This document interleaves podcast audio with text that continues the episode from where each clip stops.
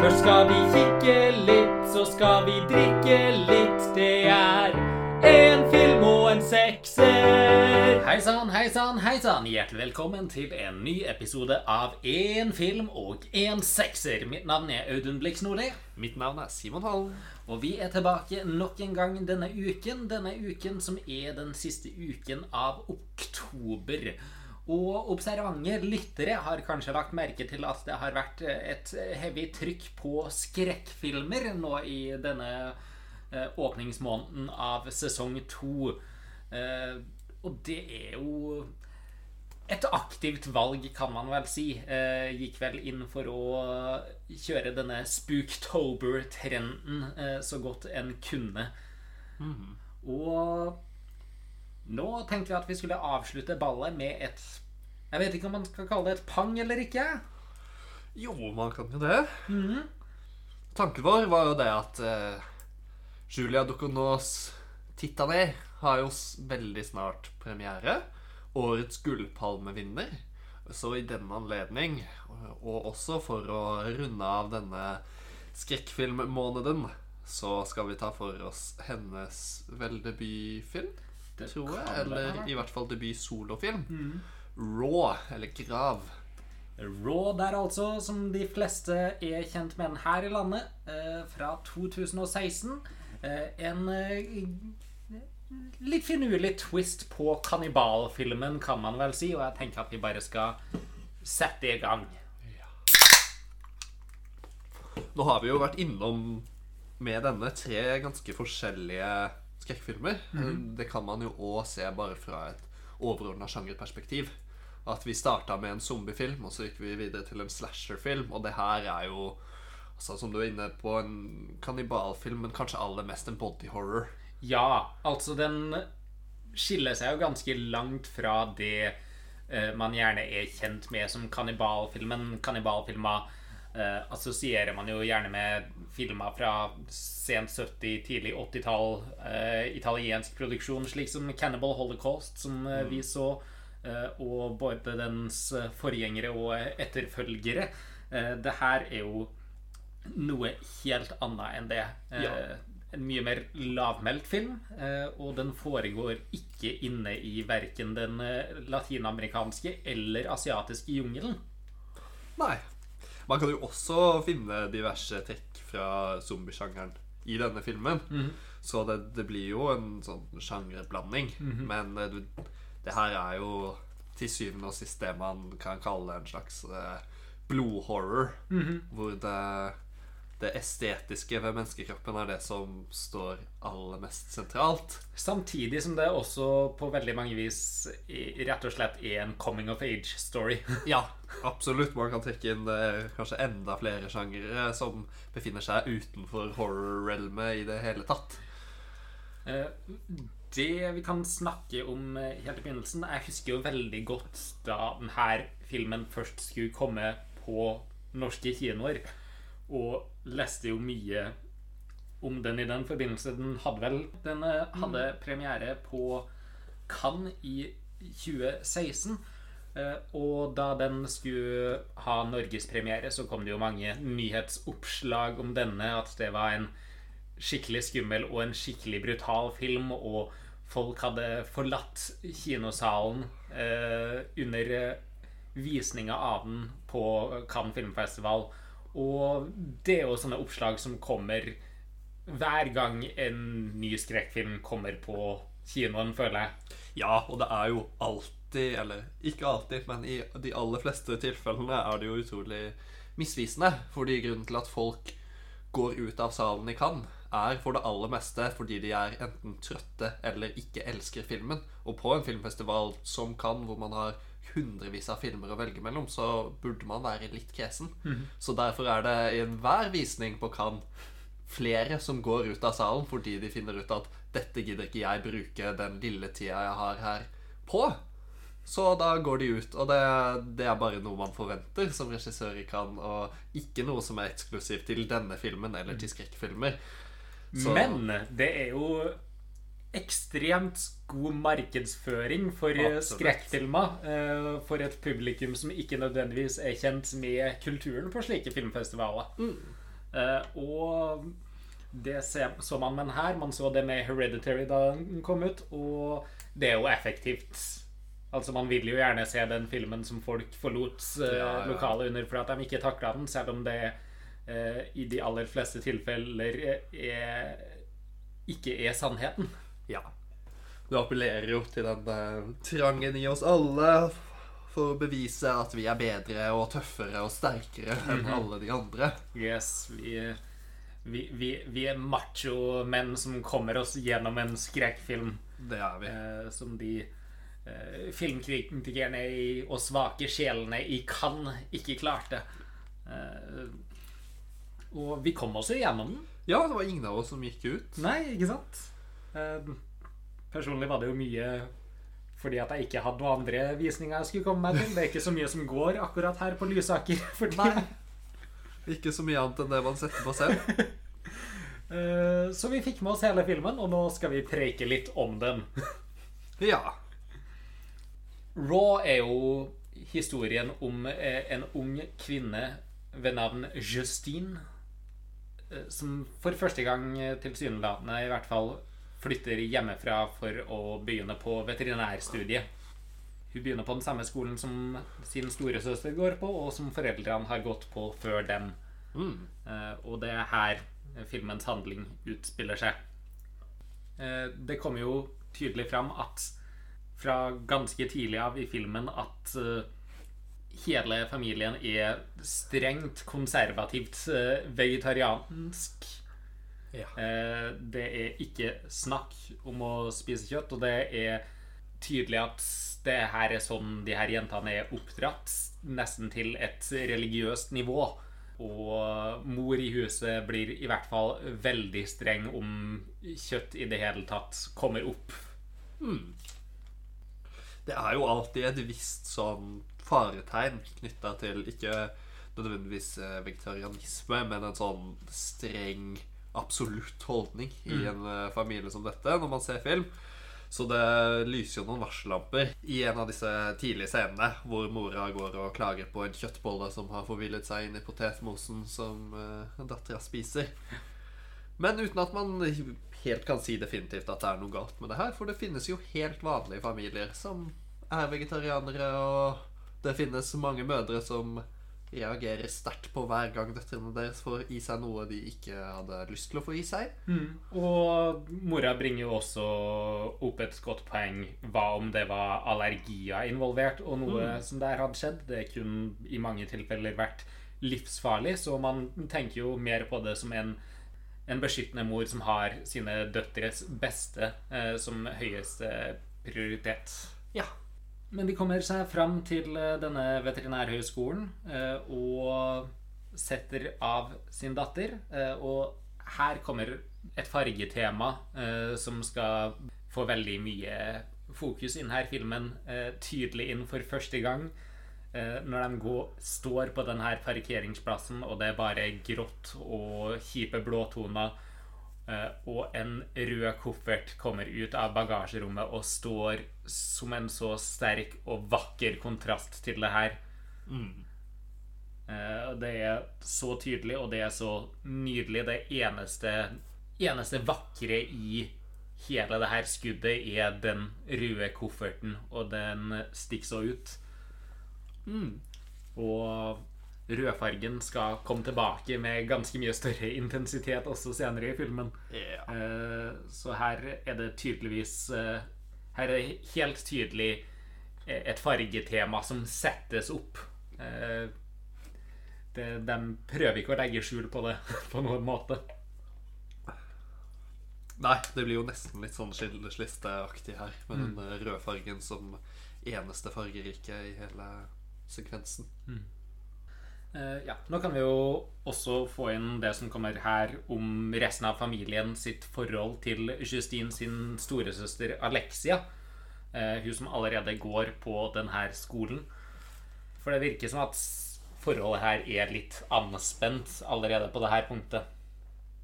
Ja, og hun møter jo ikke opp for å hente lillesøsteren sin når hun ankommer skolen, og dette er jo Dette virker som noe som er typisk henne. Mm. På måten eh, familien reagerer på dette. Det virker ikke som at noen av de er overraska eller spesielt foruroliget av at hun ikke møter opp.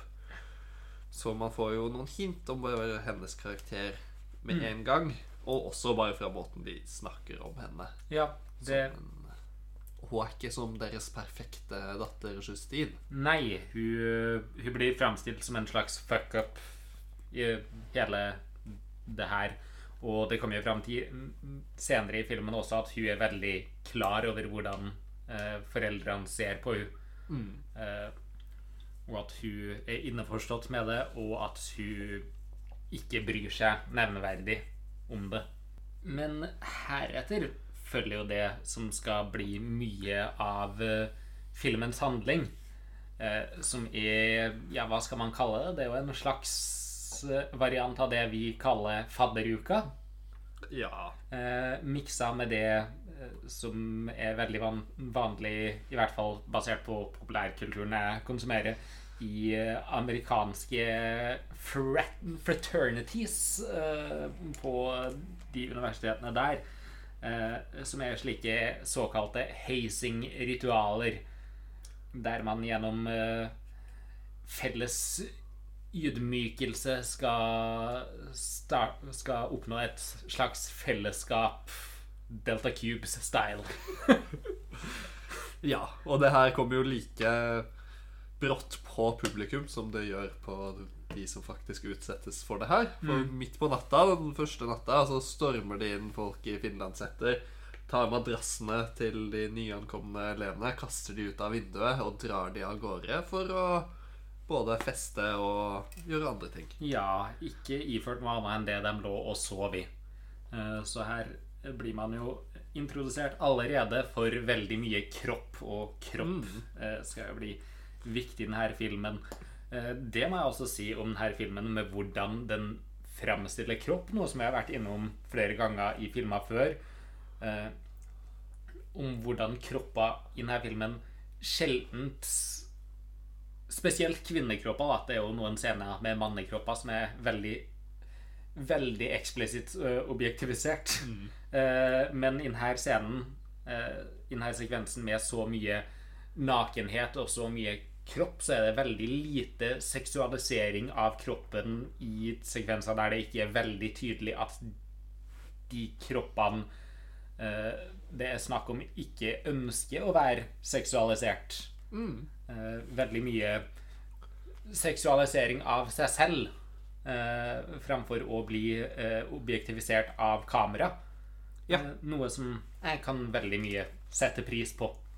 Eh, lite callback der til Showgirls-episoden. Ja, det er jo noe som gjøres absolutt mest av hvordan kamera oppfører seg i den scenen også, eh, sekvenser senere i filmen. At den, det hviler jo aldri her. Det er eh, shaky cam gjennom hele sekvensen. Og hovedessensen her er jo kaotikk. Mm, og det er et veldig, veldig langt skudd her også. Et Ja. massivt tracking shot gjennom en undergrunnsstudentklubb. eh, Der vi følger Justine sin kaotiske reise gjennom hele det her. Ja. Og det er vakkert og stressende og kaotisk og fantastisk på én gang. Og det her er jo noe som er gjennomgående i de fleste festescener i hele filmen. Også denne bruken av kamera og hvordan vi opplever det. Vi føler oss på mange måter som festdeltakere selv på hvordan, eh, hvordan vi opplever det her.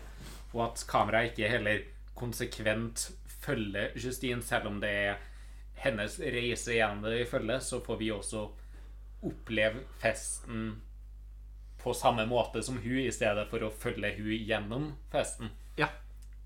ja, for vi stilles jo ikke bare i Justine sine sko her, men i skoa til alle disse førsteklassingene. I så stor grad at vi som publikum blir en førsteklassing i oss selv.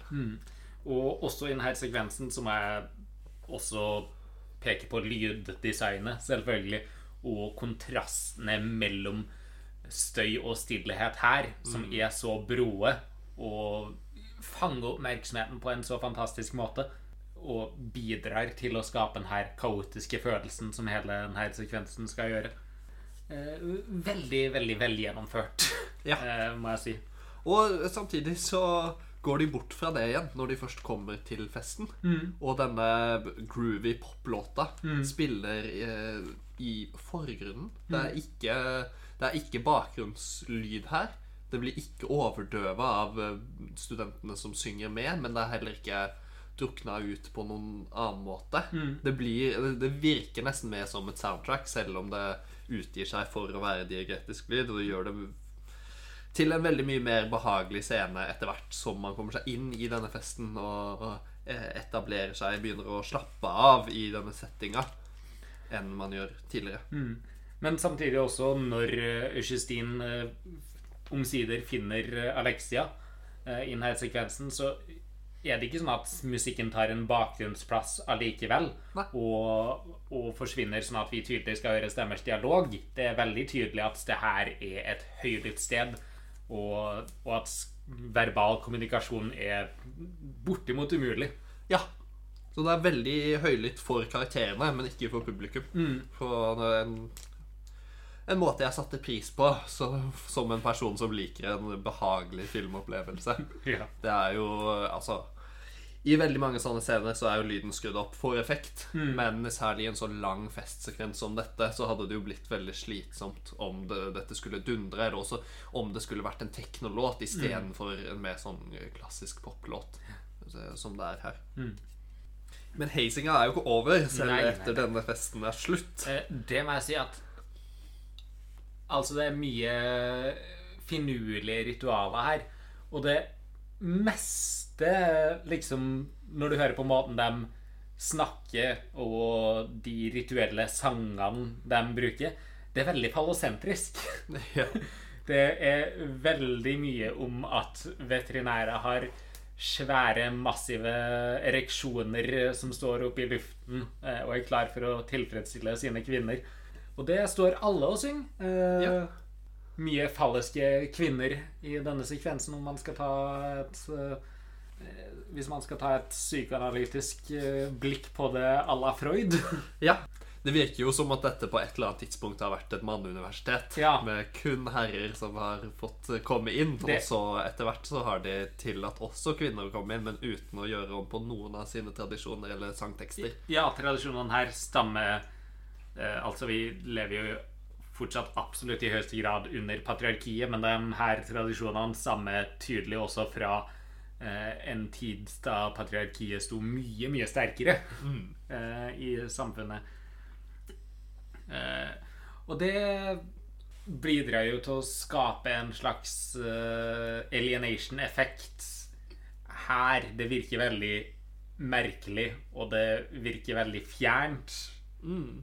Handlinga her foregår i Frankrike, og jeg vet ikke så mye om fransk kultur, eh, så jeg vet ikke hvor fjernt eller nært det er der, men i hvert fall for meg som en norsk eh, seer i et eh, rimelig progressivt miljø, så virker det hele det her, både ritualene og holdningene, veldig, veldig fjerne. Ja, vi stilles jo i en posisjon her som kan minne om eh, posisjoner man ser veldig mange steder i USA nå, hvor man har en ny generasjon som kommer inn i et system som gir veldig lite mening, og de begynner å sette spørsmålstegn ved hvorfor skal vi gjøre dette, dette, dette går ikke opp, dette bidrar ikke til noe, ingen har godt av dette her. Og så sier alle de eldre kulla ja, men vi måtte gjøre det, så da må faen meg dere òg gjøre det. Ja. Og ikke på en passiv måte heller. Det er ikke sånn OK, jeg er likegyldig. Det er jeg gikk gjennom dette, du må gjennom det. For faen, din hore. Det er urettferdig hvis du ikke må gå gjennom det samme som jeg gjorde. Ja. Uh, vi er jo alle kjent med hvordan fadderuka er, og snakk, snakk om drikkepress og den slags. Det kommer jo opp hver gang et nytt studentkull skal, skal inn i ilden, så er jo eh, medier full av eh, snakk om dette, og det er veldig stort fokus på det. Her er det ikke så mye drikkepress som det er kjøttpress. Nei. Eh, For det er jo et rituale her eh, som innebærer å spise en eh, kaninlever. Rå. Rå kaninlever.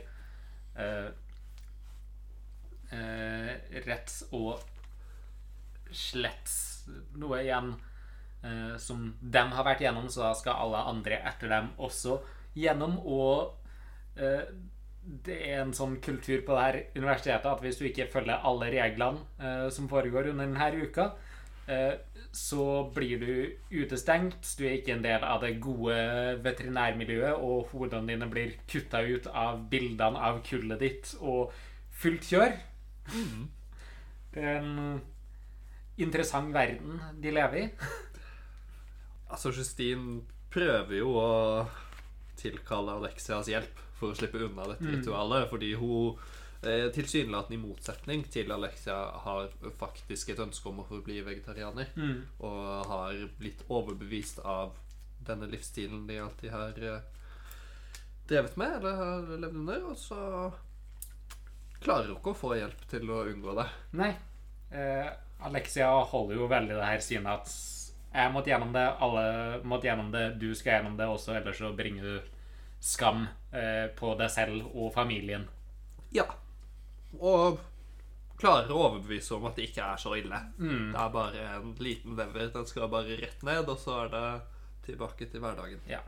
Dog eh, Alexia er jo faktisk nødt til å presse denne levra ned halsen på Justine for å faktisk få den ned. Det her er jo også rett etter de har blitt bada i ikke nødvendigvis griseblod, men i hvert fall dyreblod. Eh, akkurat akkurat som i Carrie. Ja, en veldig Carrie-aktig scene der. Eh, ganske tydelig referanse. Eh, som, eh, som man jo kan sette pris på. Ja, og som også gjør at estetikken i de neste scenene blir veldig blodprega på en utrolig god måte. Det at alle går rundt med blod i ansiktet og blod på klærne og ikke vasker det bort, fordi det er visst ikke noe man gjør, Nei, tydeligvis ikke. gjør jo at det visuelle uttrykket her er både groteskt, men også vakkert på en måte som blod nesten alltid er. Vi blir jo også her kjent med eh, Adrian, eh, som Justine deler hybel med. Hun blir jo litt sjokkert når han kommer inn, fordi at hun har bedt om å få dele rom med en jente. Men han sier at ja, sånn ble det ikke. Du fikk dele rom med en homofil mann i stedet for, så deal with it, Ja, basically. for de er det det samme. Ja. Tydeligvis ikke noe forskjell på det. Nei, ikke i eh, universitetets øyne. Eh, og Adrian er jo en karakter vi skal få se mye av og spille en viktig rolle inn her. Vi får jo allerede ganske kjapt her diverse synspunkter uh, i en diskusjon de her førsteårselevene har uh, hva angår uh, sex med dyr. Der det bl.a. kommer en filosofisk debatt om hvorvidt man bør bruke prevensjonsmidler når man har sex med en ape.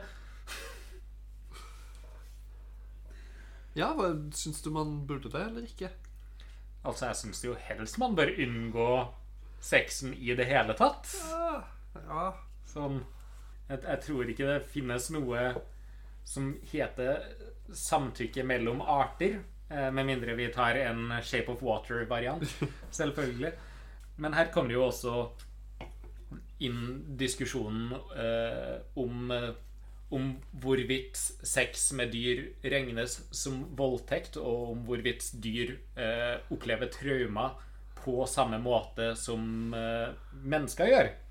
Eh, der eh, Justine har en klar posisjon hvor de fleste andre enten er sterke motsetninger eller i gråsoner. Og dataen er vel veldig klar på at dyr kan, være, kan bli traumatiserte. ja. Eh, Det er vel egentlig ikke noe diskusjon lenger, men det blir jo det i filmen her, i hvert fall.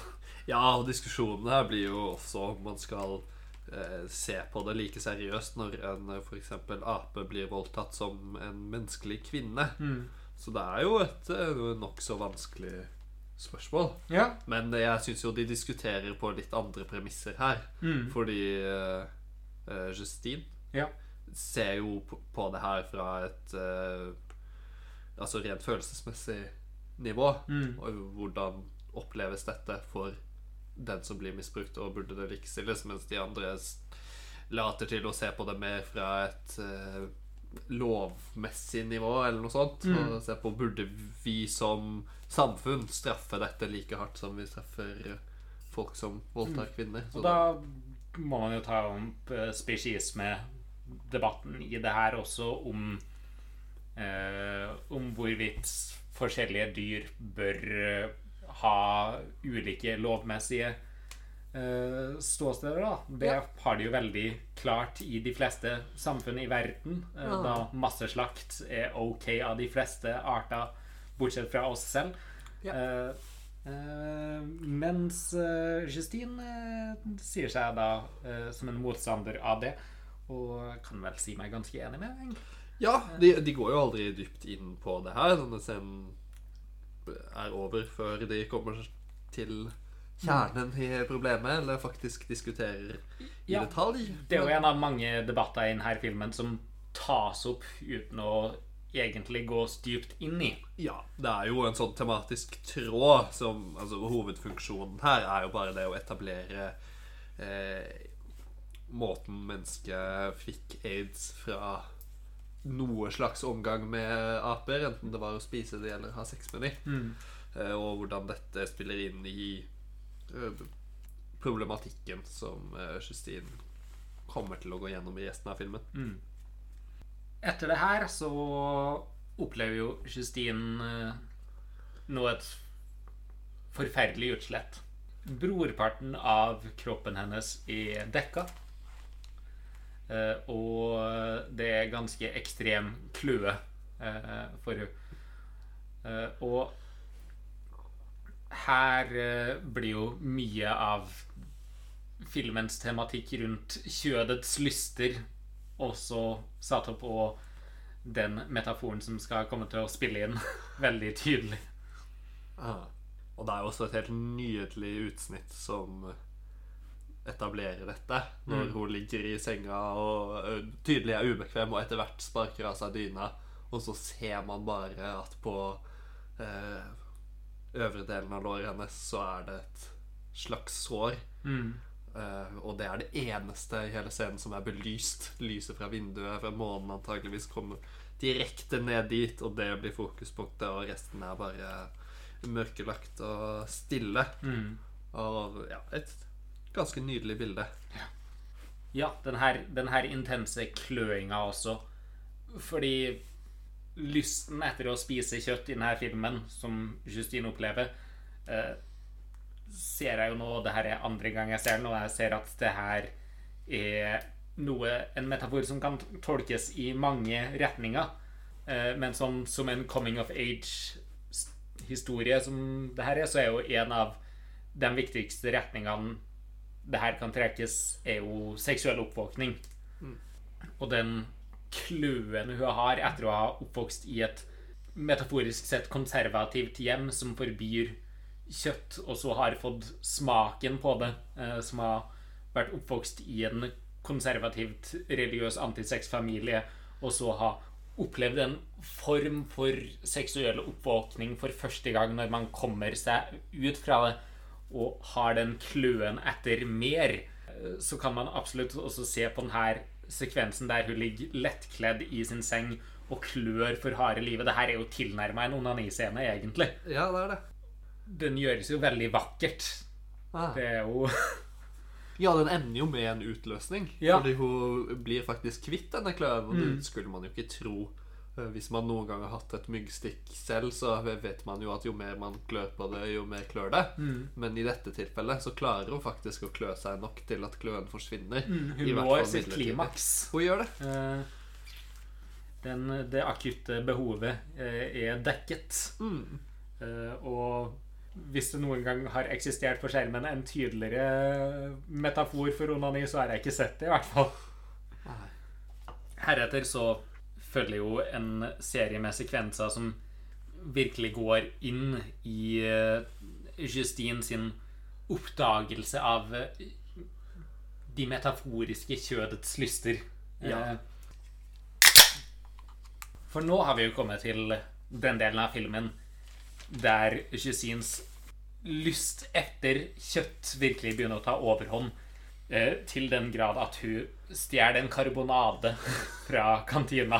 Ja, uten at hun kan forklare helt hvorfor i ettertid. Nei. Og uten at det gir noe mening at hun stjeler den istedenfor å bare kjøpe den. Ja, det blir rett og slett som en impuls. Ja.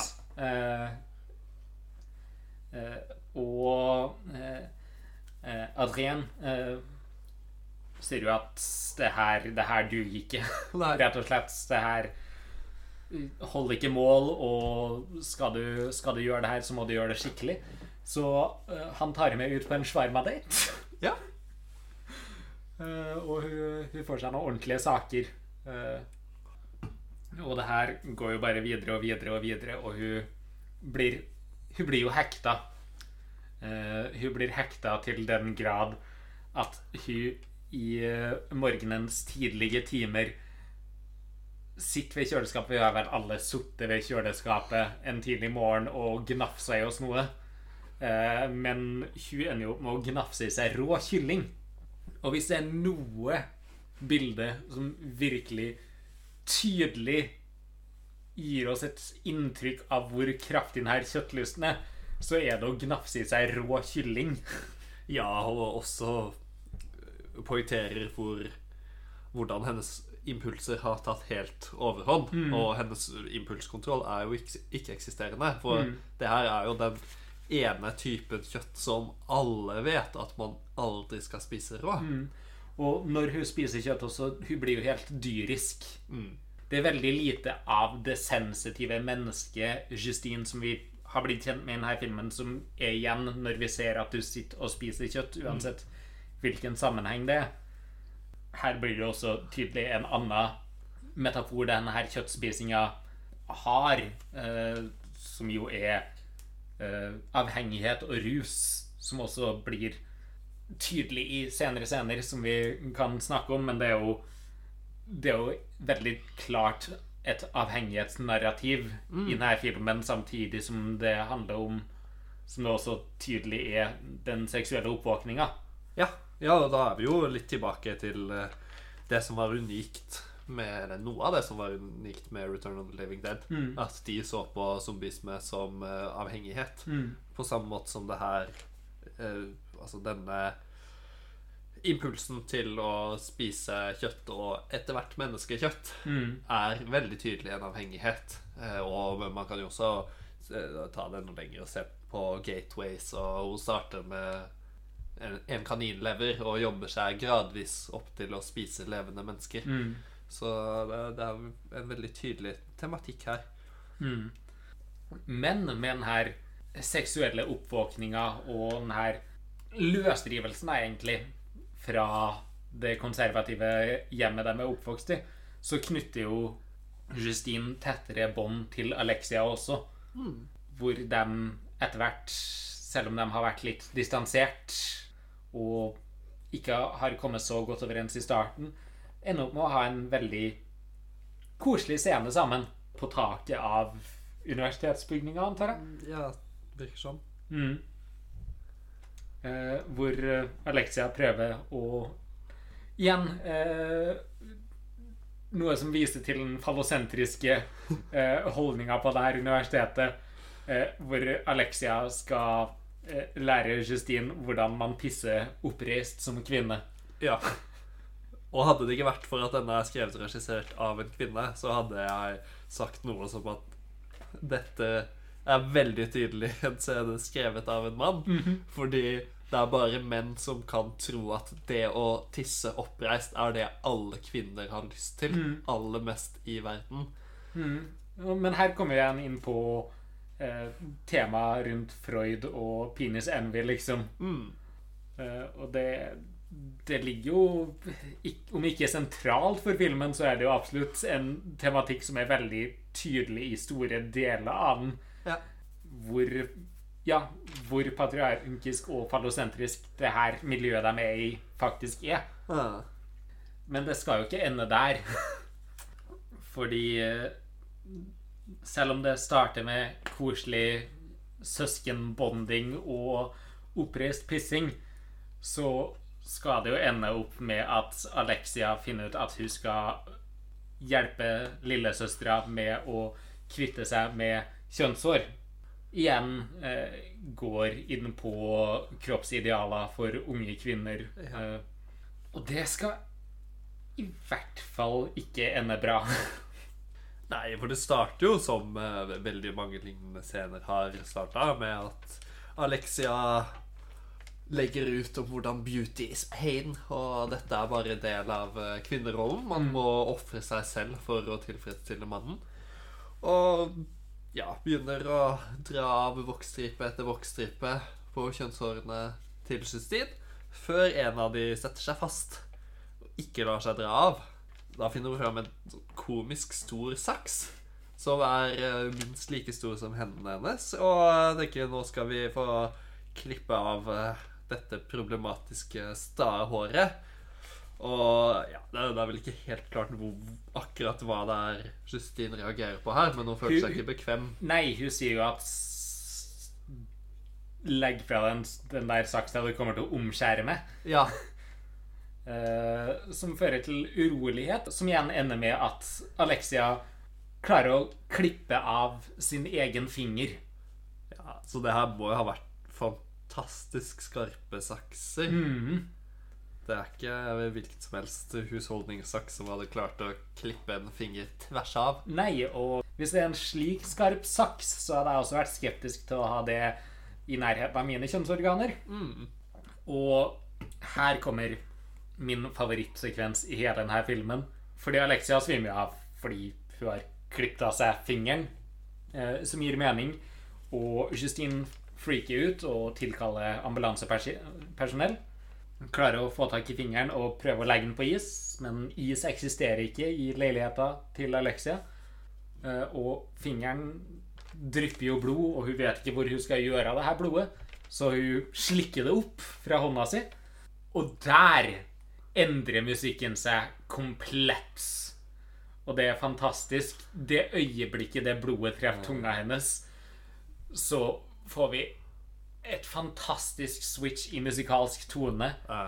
Og her er det virkelig at vi oppdager hva kjødets lyster betyr. ja. Hva Og- hun har lett etter hele denne tiden. Og det her er jo en scene som er veldig sentral og viktig, men den er også så så komisk. Fordi hun ender jo opp med å spise denne fingeren som en jævla kyllingvinge. Ja. Og det er jo dritgøy. Herregud, det er et så fantastisk godt bilde. Sitt der Hun sitter der på kjøkkengulvet, land opp mot kjøleskapet og spiser en menneskefinger som om det skulle vært en kyllingvinge.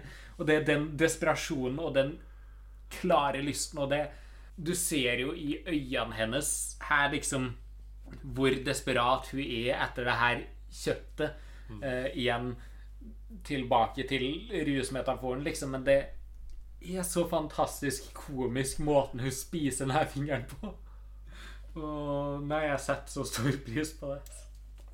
Ja, det er jo absolutt et høydepunkt i filmen. Det her, altså, Crescendoen i musikken er jo også utrolig vakker. Både for å understreke det som Altså som et vendepunkt Mm, i men- filmen, men aller mest bare i, seg selv. Ja, altså, det her er jo Det er vel første gangen vi ordentlig hører det musikalske hovedtemaet i filmen i sin uh, fulle prakt, Ja. og det er så nydelig. Er det. Uh, og ja, her starter kan filmens kannibalisme. Som uh, Ja, Alexia er jo ikke så fornøyd med å ha spist, fått spist opp fingeren sin. Eh, men har allikevel forståelse for situasjonen. Ja, hun tar det med fatning. Ja. På en måte man nesten ikke ville forvente av henne på dette tidspunktet i filmen, filmen. For hun virker litt sånn usympatisk. Mm. Men hun, hun legger skylda på bikkja. Ja. Ja. Uh, Tuster ikke på, tuster ikke på søstera si. Det er litt eh, kvinnelig solidaritet her. Mm. Endelig. Og Og da blir det jo klart at eh, hun må avlives. Eh, Fordi at eh, det er visst et faktum at når et dyr har fått smak for menneskeblod, så kan den aldri stoppes igjen. det er jo et tema som kommer opp ganske ofte. Og jeg vet ikke hvor mye sannhet det er i akkurat det. Nei Jeg, jeg, jeg tror nok det er enda en måte mennesker prøver å forhøye seg selv over alle andre dyr. At vårt kjøtt er spesielt, og når et dyr har fått smaken for vårt kjøtt, så kommer de aldri til å ha lyst på noe annet igjen. Ja. Og også en måte å rettferdiggjøre menneskets kjøttkonsumpsjon. Mm. At fordi vi har smakt kjøtt, så klarer vi ikke slutte å spise kjøtt. Ja. Det er en finurlig måte vi opererer på, altså, og den forherligelsen av menneskekjøtt Jeg har aldri smakt menneskekjøtt selv. Men jeg kan ikke tenke meg at det er så fantastisk godt at jeg aldri kunne ha slutta hvis jeg først hadde starta. Ja, jeg vet ikke, jeg, men eh, jeg har aldri, har aldri smakt noe kjøtt så langt som er så godt at jeg ikke har klart å slutte med det. Nei. Men dette her er jo et blått point i Arrested Development, og derfor må man vel konkludere med at det er sant. Ja. Uh, alt som skjedde i Arrested Development, er jo uh, absolutt sant. Ja. En, en, en sjel som har fått smaken for, eh, for kattekjøtt, ender jo fort opp med å spise en menneskehånd, f.eks.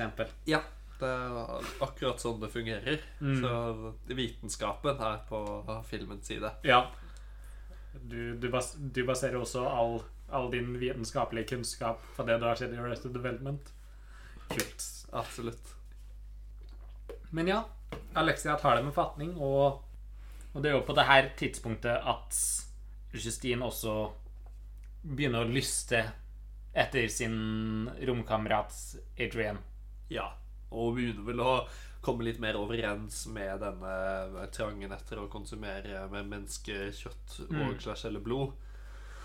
Og ja, det at hun ser at søstera antageligvis er i en lignende situasjon, gjør henne mer Kanskje mer komfortabel? Ja, Føler seg ikke så alene lenger. Nei. Men her også begynner jo Adrian å virkelig eh, objektifiseres. Han er jo en av de få karakterene som virkelig er offer for denne filmen sin gaze. Hans kropp er virkelig ufrivillig objektifisert yeah. i denne filmen. Eh, gjennom Justine sine øyne.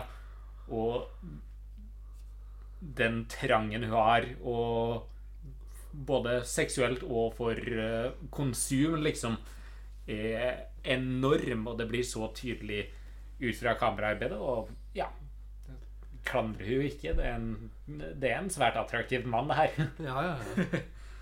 Eh, For en si så hadde nok ikke nødvendigvis reagert noe annerledes hvis jeg var i samme situasjon.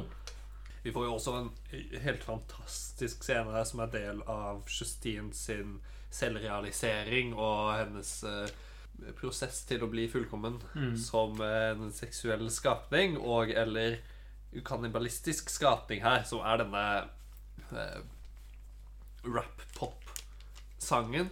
Mhm. Hvor hun står og kysser speilet sitt uh, mens hun sminker seg. Ja, Og- det er helt fantastisk sekvens her. Jeg, jeg fikk ikke skrevet ned så mye av teksten, men det, den er jo gjennomgående bare nydelig, og ender jo med noe sånt som Fuck 69, give me 666.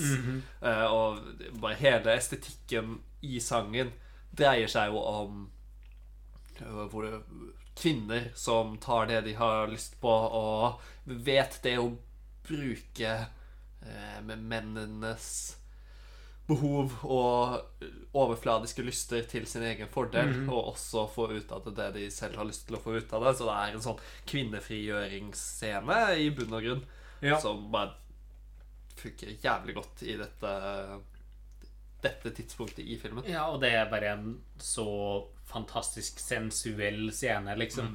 Eh, hvor Altså, det starter rolig. Hun står og sminker seg, beveger seg litt lett foran speilet, og plutselig er vi på andre sida av speilet og får se direkte på hun Hun kommer inn, kysser glasset.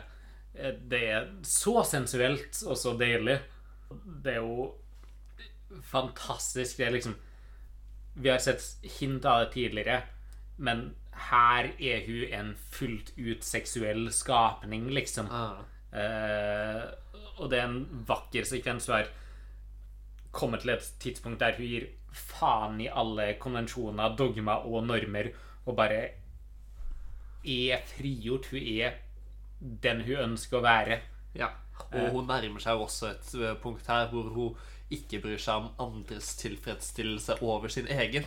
At her handler det om at hun selv skal få det hun skal ha, uten, eh, uten å nødvendigvis bry seg om hva de andre oppnår. Eh, og nei, det er en deilig, deilig sekvens. Mm. Så kommer vi også ganske fort videre til den neste rusmetaforen i det her. For da, nå er det jo en stund siden du har konsumert menneske, og du har bare en lengre scene. En stressekvens, rett og slett, der hun ligger under dyna si. Det er, det er mange fine skudd under dyna i denne filmen. Der hun bare ligger og kaldsvetter og føler at hun blir angrepet fra alle kanter. Eh, det er rett og slett Det virker som at hun ja, går gjennom ab abstinenser, liksom. Aha. og en av de første sekvensene der det liksom er veldig, veldig, veldig tydelig det her avhengighetsnarrativet eh, i filmen. Og også et eksempel på en scene hvor altså strengt tatt rumpa hennes er hovedfokuset, men uten at den noen gang er på en seksuell måte. Uten at hun er overseksualisert eller seksualisert overhodet.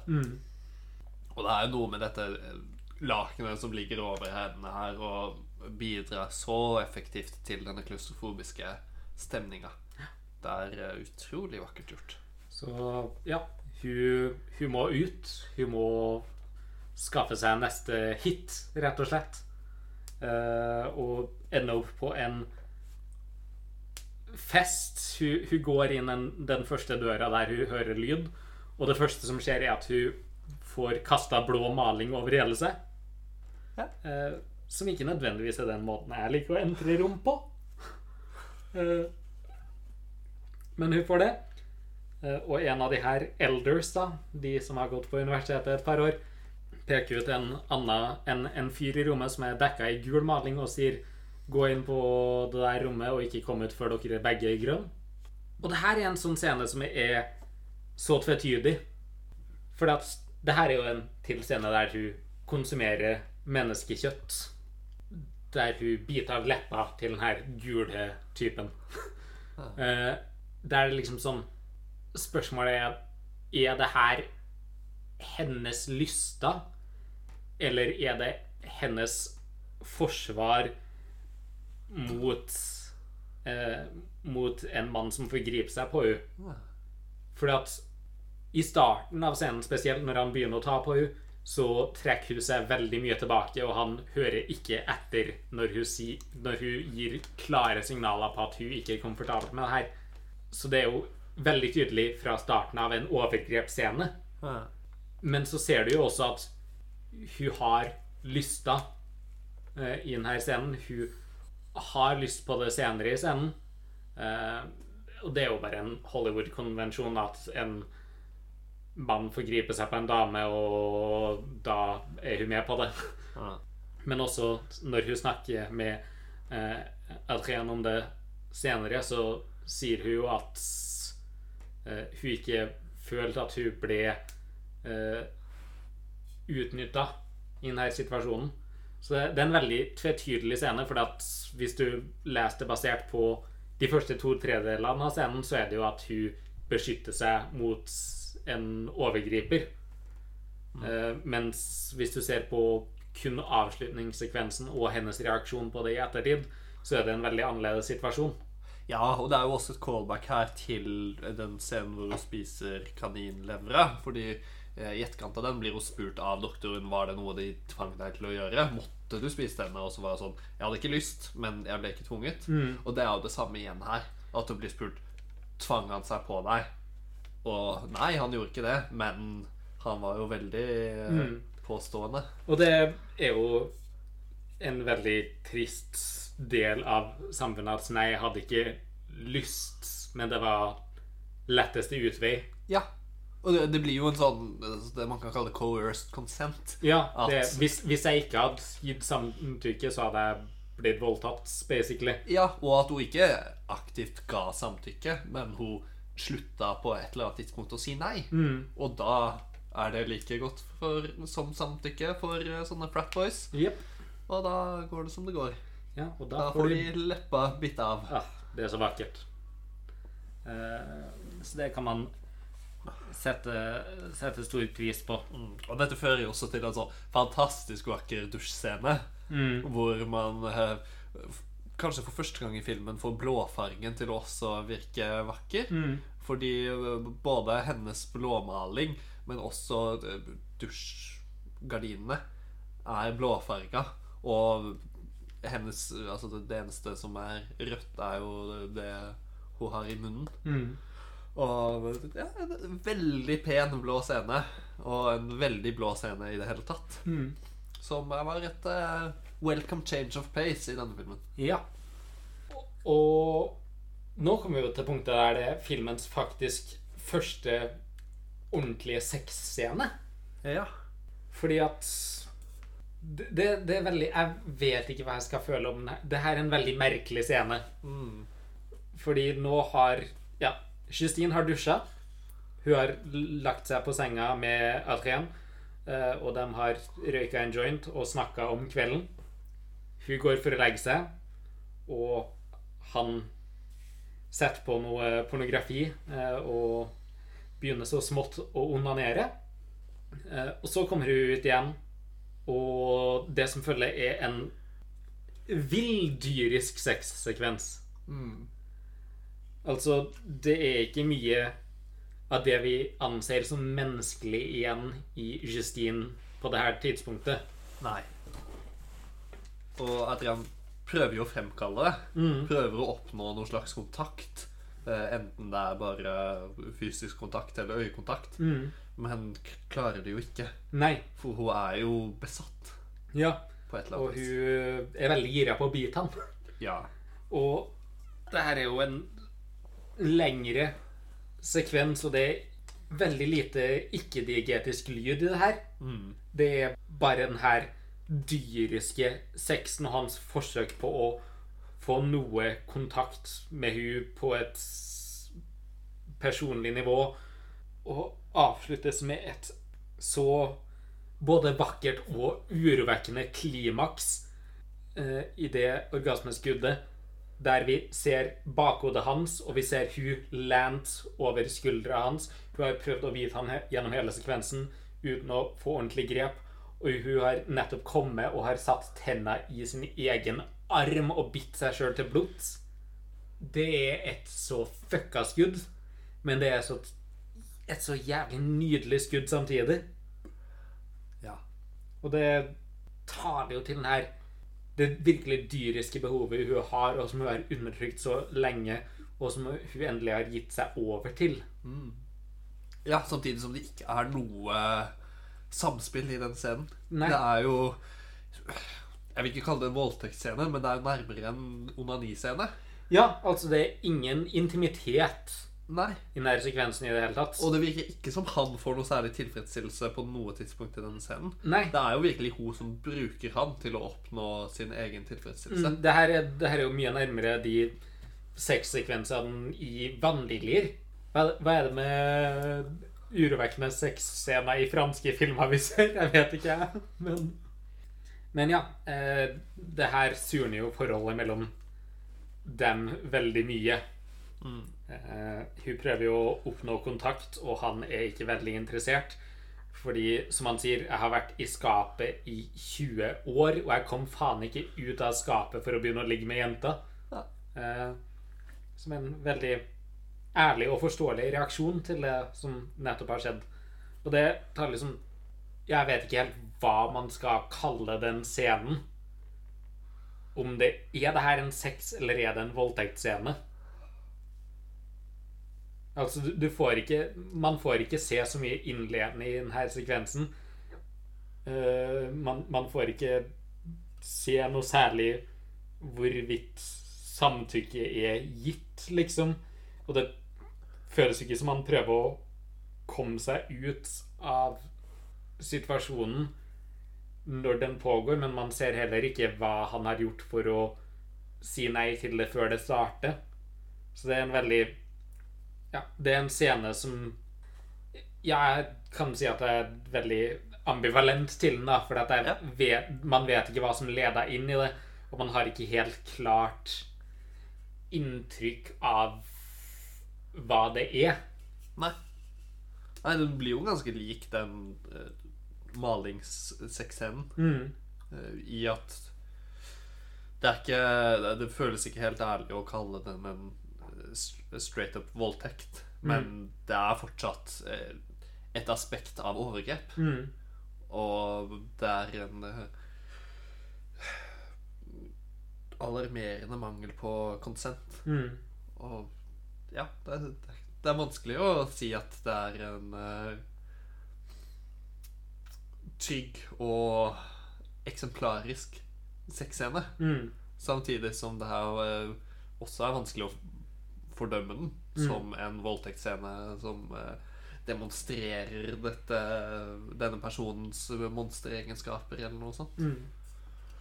Den er eh, i det hele tatt nyansert. Ja. Vi kan jo også ha, bare ta opp her siden vi er inne på denne sexscenen eh, Det som innleder den, Mm. når hun kommer tilbake til inn på rommet hans mens han eh, sitter der og har begynt å runke, hvor hun sier Se krav. It's serious. Det er alvorlig. Eh, som i utgangspunktet ikke virker så veldig relevant. Men det er den franske tittelen Mhm. på denne filmen. Hva tenker du om det? Er det en bedre tittel enn Raw, eller er du glad de har uh, endra den? Det, det har jeg ikke tenkt noe særlig på.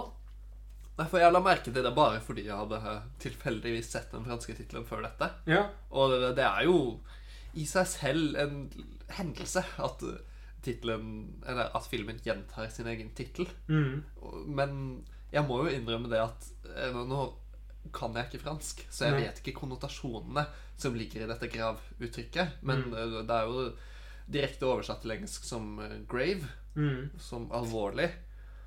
Og jeg, jeg synes i hvert fall at Raw virker som en mye mer naturlig og megetsigende tittel. Ja. Ja, nei, jeg kan ikke nok om det franske språket til å uttale meg om eh, Om hva det eventuelt skulle tilsi. Nei. Eh, så Men jeg syns jo at Raw er mer passende og slående som tittel enn alvorlig, i hvert fall. Ja, det passer jo mye bedre til motivet. Mm. Men det kan jo være nettopp derfor de oversatte det, fordi disse eventuelle konnotasjonene som hører til det franske begrepet, ikke finnes på norsk eller engelsk. Mm. Så derfor måtte de finne et alternativ, for det hadde jo vært en tittel som er enkel nok å oversette direkte. Ja. Så man antar jo at det er en grunn til at de valgte å endre tittelen. Ja. Nå er vi jo for alvor inne i filmens uh, siste akt. Ja, nå begynner vi å tilnærme oss eh, et klimaks ganske snart. Vi får jo se mer av lystingen etter Adrian, og vi får mer konflikter nå mellom uh, søsken enn noensinne tidligere. Uh, som kulminerer i en, eh, en, en, en festsekvens her. Eh, der eh, der Justine drikker seg enormt full. Altså, hun går opp til baren for å bestille seg en shot. Vi kan bare si at denne scenen starter jo med fantastiske, de fantastiske tracking-shotsene som festscenen i denne filmen har, som går gjennom baren, og ender opp eh, på Justine som sitter oppå et bord lent inn mot veggen. Ja, hva skal man si om hvordan hun ser ut der? I alle fall, i likhet med det aller meste annet i denne filmen, så er det jo vakkert. Men det er også noe sånn Urovekkende. Ja, urovekkende og sårbart, på en måte, som Vakkert og urovekkende bør Ja. være egentlig taglinen til denne filmen. føler jeg. For at det, Ja. alt som skjer i denne filmen, er en kombinasjon av dem to. Mm. Og hun går opp til baren for å bestille seg en shot. eh, Og bartenderen er tom for shotglass og gir hun heller en et halvlitersglass fylt opp med vodka. Ja. Fordi det gir mening. Og hun begynner jo å chugge nedpå. Finn, finn tak i Alexia, og så får vi ikke se noe særlig mer Nei, før hun våkner morgenen etter. man må det hintes mot at kanskje de tar seg inn på et rom hvor de, de oppbevarer lik. Mm. Men uh, det slås ikke fast. Og så får vi filmens mest relatable skudd, som er noen som våkner opp fullt påkledd i senga si, ser at klokka sier 17 et eller annet, og begynner å chugge fra vannflaska på nattbordet. Eh, Jeg tror det er noe vi alle kan kjenne oss litt igjen i. Ja, alle har vel vært der.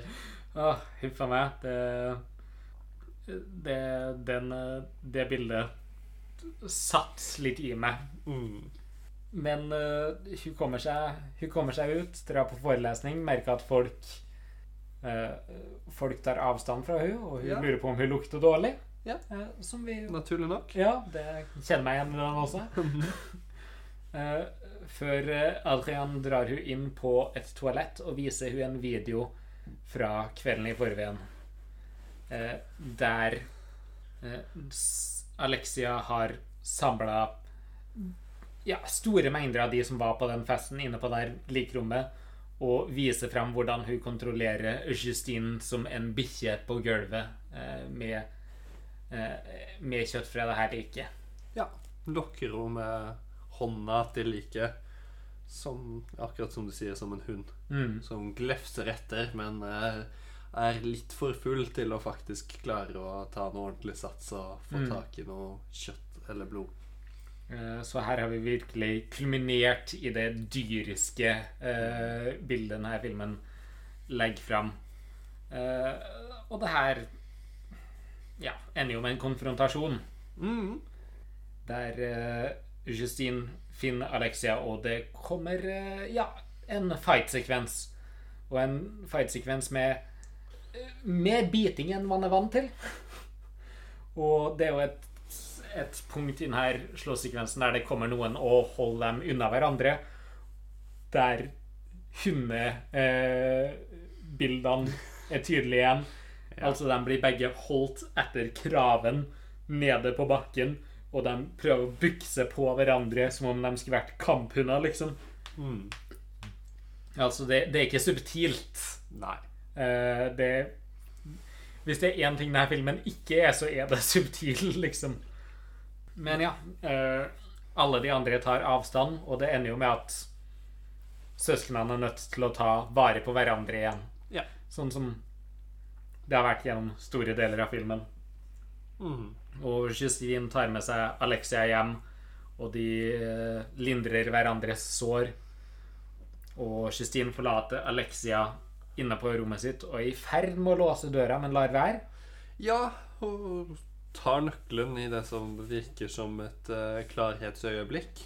Så hun har innsett at eh, dette er et menneske som ikke kan stoles på, og burde låses inne for hennes egen og alle andres sikkerhet. Men klarer ikke helt å få seg selv til å vri nøkkelen rundt. Og bedømme sin eh, egen søster til et liv låst inne på rommet. Det blir for meget. Og det får hun betale for ganske raskt etterpå. Ja, eh, for neste morgen våkner hun, våkner hun i senga ved siden av eh, Adrian. Ser ganske lykkelig ut. Tar ømt på han. Han ser så fredelig ut, han også. Mhm. Det ser ut som et sånn nyforelska par som uh, har eh, besvimt fra elskovsakten. og Mhm. nå kan våkne side ved side og omfavne hverandre og trøste hverandre med at alt kommer til å gå fint. Vi, vi har oss. Men alt går jo ikke så fint. Nei, for hun tar dyna av han etter hvert. Og oppdager jo Eller det, det første som skjer, er vel at hun begynner å beføle han litt. Begynner å føre hånda si nedover hans kropp. Og treffer etter hvert noe som får henne til å trekke hånda opp i eh, forskrekkelse. Oppdager at hånda er blodig. Kaster av han lakenet og ser at halve låret hans er oppspist. Ja, en, en delvis partert eh, Adrian der, altså. Mm. Eh, Og det er først her hun legger merke til at han puster ikke. mm, Og han har eh, rett og slett forgått mm. i senga rett, sekka, i senga rett ved siden av henne. Ja, og hennes første reaksjon er jo å tro at det er hennes verk. Eh, og hun, hun klandrer han litt god gammeldags victim blaming her. Hvorfor stoppa du meg ikke? Hvorfor slo du meg ikke av gårde? Ja. Før hun oppdager at han har et høl i ryggen uh, og ser på gulvet ved siden av en blodig skistav. En skistav, av alle ting. ja. Og vandrer inn på kjøkkenet og finner uh, sin søster der. Og hun sitter der med blod ned fra munnen og nedover skjorta si. Og her igjen så kommer vi inn på avhengighetstematikken. Fordi at hun ser ut som hun har nettopp fått seg et nytt skudd med heroin. Ja. Og hele den sekvensen her Hun reiser seg opp, går bort, ser søstera si. Søstera sitter der så fredelig, umu nesten umulig å få kontakt med. Hun har fått det hun trengte, og er ferdig. Og Justine er nødt til å hjelpe hun opp og få hun inn i dusjen og holde hun oppreist og vaske av hun liksom. Mm. Det, det, det er veldig tydelig tydelige bilder her, for å si det sånn. Igjen, filmen her er ikke subtil. Nei, men eh, den er heller ikke ueffektiv. Nei. Ineffektiv. På ingen måte. Nei, det er ja, som sagt veldig effektiv scene her, der Justine prøver å ta seg av søstera si. Prøver å elske hun og være der for hun til tross for hennes problemer. For hun kjenner jo til det selv også. Men det er jo ikke å komme utenom det er et lik inne på rommet, liksom. Eh, Ja. Hun er jo nødt til å si ifra. Ja, og en av dem må jo ta skylda, Mm. og det blir Alexia, Mm. som ender opp i fengsel. Eh, men de, det er jo tydelig at de ikke eh, separeres som uvenner. Det er jo fortsatt tydelig kjærlighet der mellom Justine og Alexia. Ja, og det er jo en form for identifikasjon mellom disse søstrene. Mm. At de begge nå har innsett at de eneste som faktisk er som de selv, de eneste de kan relatere seg til, og som kan relatere seg til dem, er hverandre. Og her kommer vi til veis ende, og det, det hele er over. Ja. Eh, tematikken i denne filmen Jeg, jeg liker måten de bruker kannibalisme. Som regel i kannibalfilmer man ser, så er jo kannibalisme bare kannibalisme, egentlig. Ja. Eh, det har ikke så mye å si. Altså, vi kan snakke om hvordan kannibalisme er i Cannibal Holocaust, der filmen basically sier at de her som spiser menneskekjøtt, er ikke noe verre enn vestlige imperialister. Selvfølgelig. Men der er ikke kannibalisme allikevel noe mer enn kannibalisme. Mens Og det er det standard kannibalfilm-narrativet. Kannibalisme er ikke noe annet enn det det faktisk er.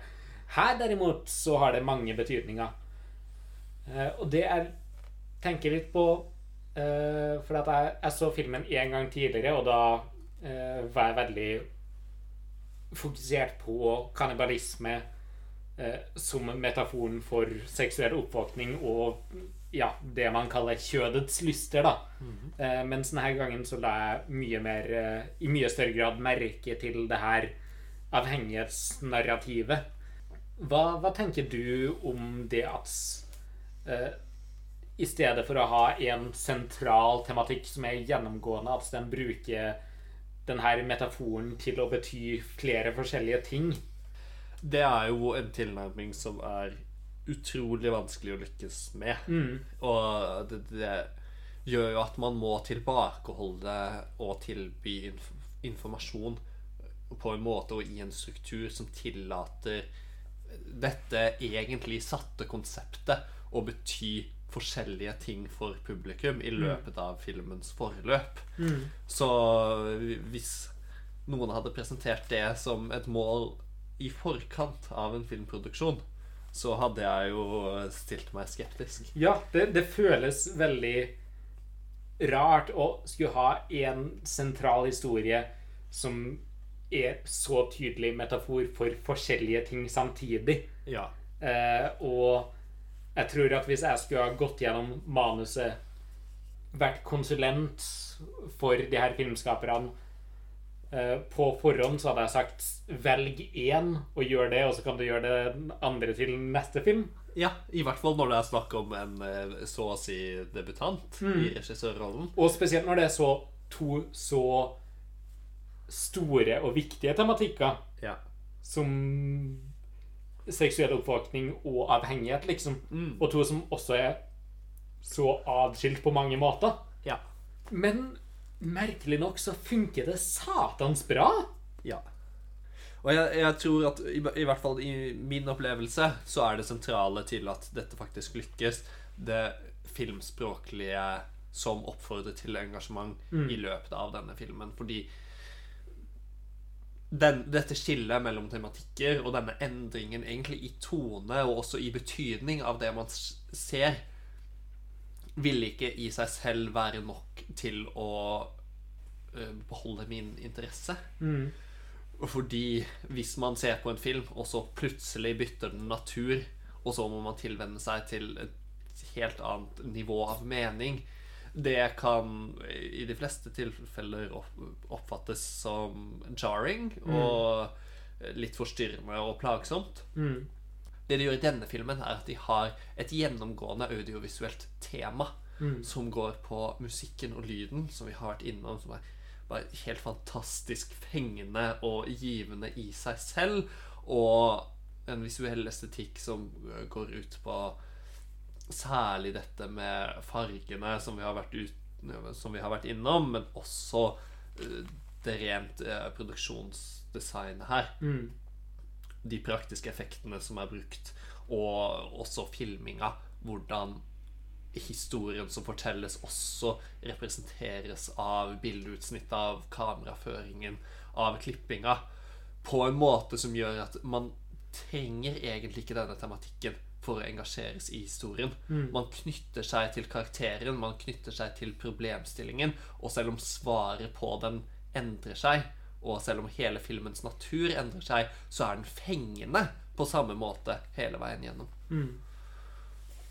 Nå har vi jo holdt på en god stund.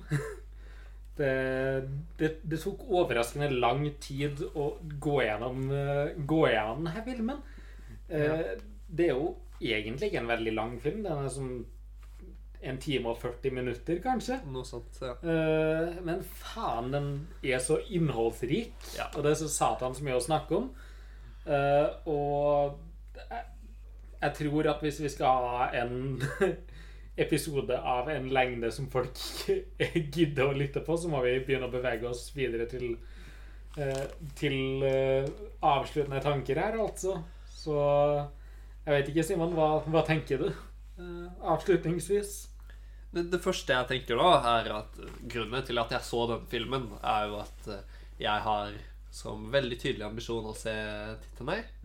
Når den om ikke så veldig lenge premierer på norske kinoer. Og etter å ha sett Raw, så gleder jeg meg jævlig til å se Tittenøy. For det Det her er jo en film som presenterer så mange forskjellige styrker. Det er så mange ting her som er gjort ekstremt bra. Og også som er gjort bra på en ukonvensjonell måte. Som gjør at jeg er med på hva enn uh, Julie nå har gjort videre. Og jeg gleder meg utrolig til å se hennes neste film. Ja. Og det, det er hovedtingen jeg har tatt med meg her. Det er en veldig god opplevelse. Uh, utrolig god visuell profil på denne, som klarer å gjøre et groteskt motiv ut- uhorvelig vakkert samtidig. Og det er noe av det jeg liker aller best. Å se noe som både er fryktinngytende, men også eh, vakkert å se på. Så ja, det er nok det jeg tar med meg hovedsakelig fra denne filmen. Hva med deg? Nei, eh, altså jeg så den her for første gang for drøyt tre år siden, kanskje. Og eh, den, eh, den holder seg fortsatt fantastisk god. Altså Ja, det audiovisuelle er jo fantastisk. Jeg mener, fargepaletten og bruken spesielt av rødfargen i denne filmen er vakkert. Lyddesignet, som snakka om tidligere, er helt fantastisk, kombinert med originalmusikken som er komponert til den her, eh, som er nydelig. Men det vi ikke har snakka om, som jeg absolutt eh, må trekke fram, er jo eh, Garans eh, Marillier, eh, som jeg antar at det er i nærheten av hvordan man uttaler navnet til eh, denne skuespilleren som spiller Justine, eh, sin prestasjon i denne filmen. Altså, det her er jo en ganske ung skuespiller som klarer å bære hele denne filmen. Ja. Altså Hun Jeg skal ikke påstå at det ikke er andre fantastiske skuespillerprestasjoner i denne filmen, men hun bærer hver eneste scene i denne filmen, og hun bærer det på en så fantastisk måte. Eh, og så er det også måten denne filmen klarer å ha to så sterke, sentrale tematikker som den på en eller annen måte klarer å få til å gå hånd i hånd, samtidig som dealer med eh, andre tema, som f.eks. kroppsidealer, eh, på en så fantastisk effektiv måte, liksom, uten at det går utover filmens narrative profil. Altså, det her er Det å skrive det her manuset på den måten at den får frem alt det her på en så effektiv måte, er er forfatterkunst av en art som jeg ikke er kjent med tidligere, egentlig. Så ja, jeg tenker at jeg skal være så fredig at jeg anbefaler denne filmen for vårt publikum. jeg. ja. Ja. Og den, den her er jo ikke på Martyrs-nivå i eh, visuell skrekk. Nei, Den er absolutt ikke ikke. så jævlig å se på. Det Absolutt ikke på Martyrs nivå. Ja, jeg tror ingen kommer til å besvime eller trenge å forlate kinosalen pga. eh, det visuelle uttrykket i filmen her. Eh, på ingen måte. Men eh, det, det er en film som folk absolutt bør se, som jeg føler at Men som fikk altfor lite oppmerksomhet for noe annet enn at det var en kannibalfilm. Ja. For at den er så satans mye mer enn det. Mm. Og jeg, jeg håper jo nå at oppmerksomheten som Titney har fått, skal også føre til en slags oppreisning for denne filmen. Mm. Eh, som gjør at den får den kulturelle posisjonen som den strengt tatt fortjente da den kom i 2016. Ja. Eh, og med det så tenker jeg at eh, vi skal si takk for oss. Eh, Spooktober er overstått for eh, denne gang. Og hvem vet, kanskje vi ser noe som ikke er skrekk neste episode. Det er mulig. Vi får se hva vi føler for. Men jeg tror heller ikke at dette er vår siste skrekkfilmepisode. Eh, Noen gang. Statistisk sett så blir vel hver tredje episode i hvert fall en skrekkfilm. Noe sånt. Eh, og med det så tenker jeg at vi sier takk for oss, og skål, Simon! Skål!